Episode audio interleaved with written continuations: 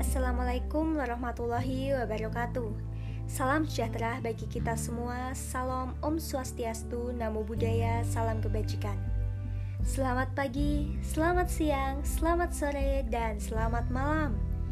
Kepada yang terhormat Bapak Profesor Dr. Haryanto dan kepada yang terhormat Mbak Wingke Capri Artis Sukmana Putri selaku dosen-dosen pengampu Sistem Sosial Politik Indonesia Departemen Politik dan Pemerintahan UGM. Sebelumnya, perkenalkan nama saya Fitri Ayu Salsabila dari DPP 2020. Dalam rekaman ini, saya akan menganalisis menguatnya birokrasi sebelum reformasi. Dari masa ke masa, selalu ada yang disoroti terkait dengan perpolitikan di Indonesia. Salah satunya adalah birokrasi.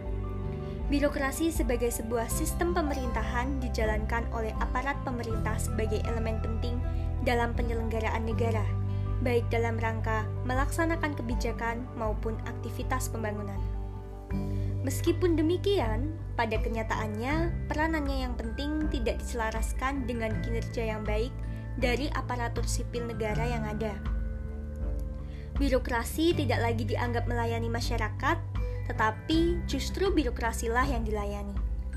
Kinerjanya yang buruk, berbelit-belit, lamban, dan marak praktik korupsi juga menjadi alasan masih rendahnya kepercayaan masyarakat terhadap birokrasi sendiri. Sampai saat ini, ketidakpuasan masyarakat akan sejarah buruk birokrasi di era Orde Baru dapat dibuktikan dengan langgengnya citra negatif tersebut. Rekaman ini akan diawali dengan bahasan terkait dengan fungsi dan peran birokrasi yang kemudian dilanjutkan dengan menguatnya birokrasi era Orde Baru dan dampaknya terhadap birokrasi saat ini. Birokrasi memegang peran penting dalam rangka menjalankan kebijakan pemerintah, atau yang lebih dikenal dengan fungsi administrasi. Dalam menjalankan fungsi administrasinya, birokrasi harus bersifat netral dan adil agar pelayanan publik dapat terlaksana dengan maksimal tidak hanya fokus pada fungsi administrasi dan pelayanan publik, tetapi birokrasi juga berperan dalam aktivitas pembangunan. Sebagai sebuah sistem politik, birokrasi mencakup berbagai subsistem atau badan-badan yang saling mendukung dan berkaitan satu sama lain.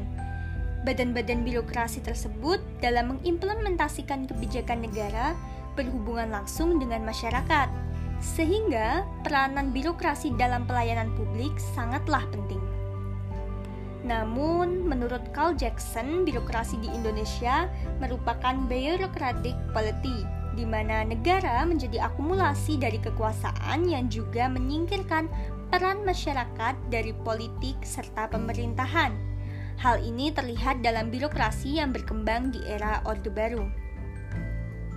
Kekuasaan Soeharto yang dominan tidak terlepas dari kekuatan birokrasi di mana birokrasi harus bersikap loyal terhadap penguasa.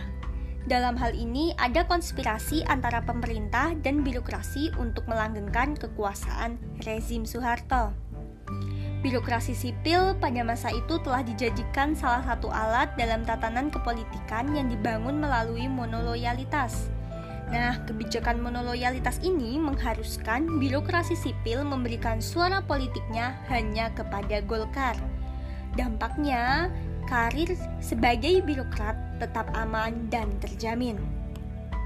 Birokrasi menjadi lebih diarahkan untuk responsif terhadap kehendak penguasa dan juga untuk memperluas pemerintah dalam rangka memusatkan pengendalian atas daerah-daerah. Dengan demikian, birokrasi yang seharusnya menjadi aktor pelayanan publik yang netral justru terkontaminasi oleh kebijakan politik pemerintah untuk menjadi instrumen pendukung kemenangan Golkar semata. Pada era Orde Baru, Shufan mengatakan bahwa hampir segala kegiatan masyarakat dikendalikan oleh birokrasi. Birokrasi telah mengawasi masyarakat secara birokratis, berjenjang, dan pengendalian yang ketat. Kebijakan-kebijakan politik pemerintah Orde Baru pun selalu menempatkan birokrasi sebagai pusat yang mengatur kehidupan masyarakat, sehingga birokrasi menjadi sangat sentralistik dan berorientasi pada kedudukan. Bahkan, birokrasi sipil pada waktu itu mendapatkan dukungan sepenuhnya dari jajaran birokrasi militer yang menjalankan tugasnya. Selain itu, patologi birokrasi atau perilaku yang melanggar aturan dalam penyelenggaraan pemerintahan juga terjadi dalam bentuk penempatan jabatan. Bahkan, mantan Wakil Ketua DPR Republik Indonesia Taufik Kurniawan pernah menyampaikan bahwa di era Orde Baru sangat terlihat patologi birokrasi yang ada dalam penempatan pejabat di mana pejabat harus berdasarkan rekomendasi dari keluarga Soeharto. Kondisi ini menyebabkan banyaknya kepala daerah yang merupakan mantan ajudan Soeharto sendiri. Dengan keadaan seperti ini, tidak heran apabila kemudian birokrasi era Orde Baru dikenal dengan maraknya KKN, rendahnya pelayanan terhadap masyarakat karena keterlibatan dengan partai politik yang tinggi, tidak efisien, tidak efektif, bahkan sering terjadi penyalahgunaan kekuasaan. Rendahnya pelayanan publik oleh birokrasi juga diakibatkan karena prinsip loyalitas terhadap penguasa yang lebih dikenalkan dibandingkan prinsip loyalitas kepada masyarakat.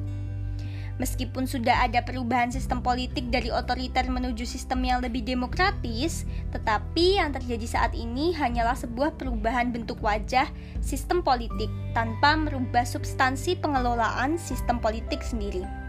Reformasi benar-benar dapat terwujud apabila birokrasi yang ada bersih dari korupsi dan juga menjalankan peran secara kompeten.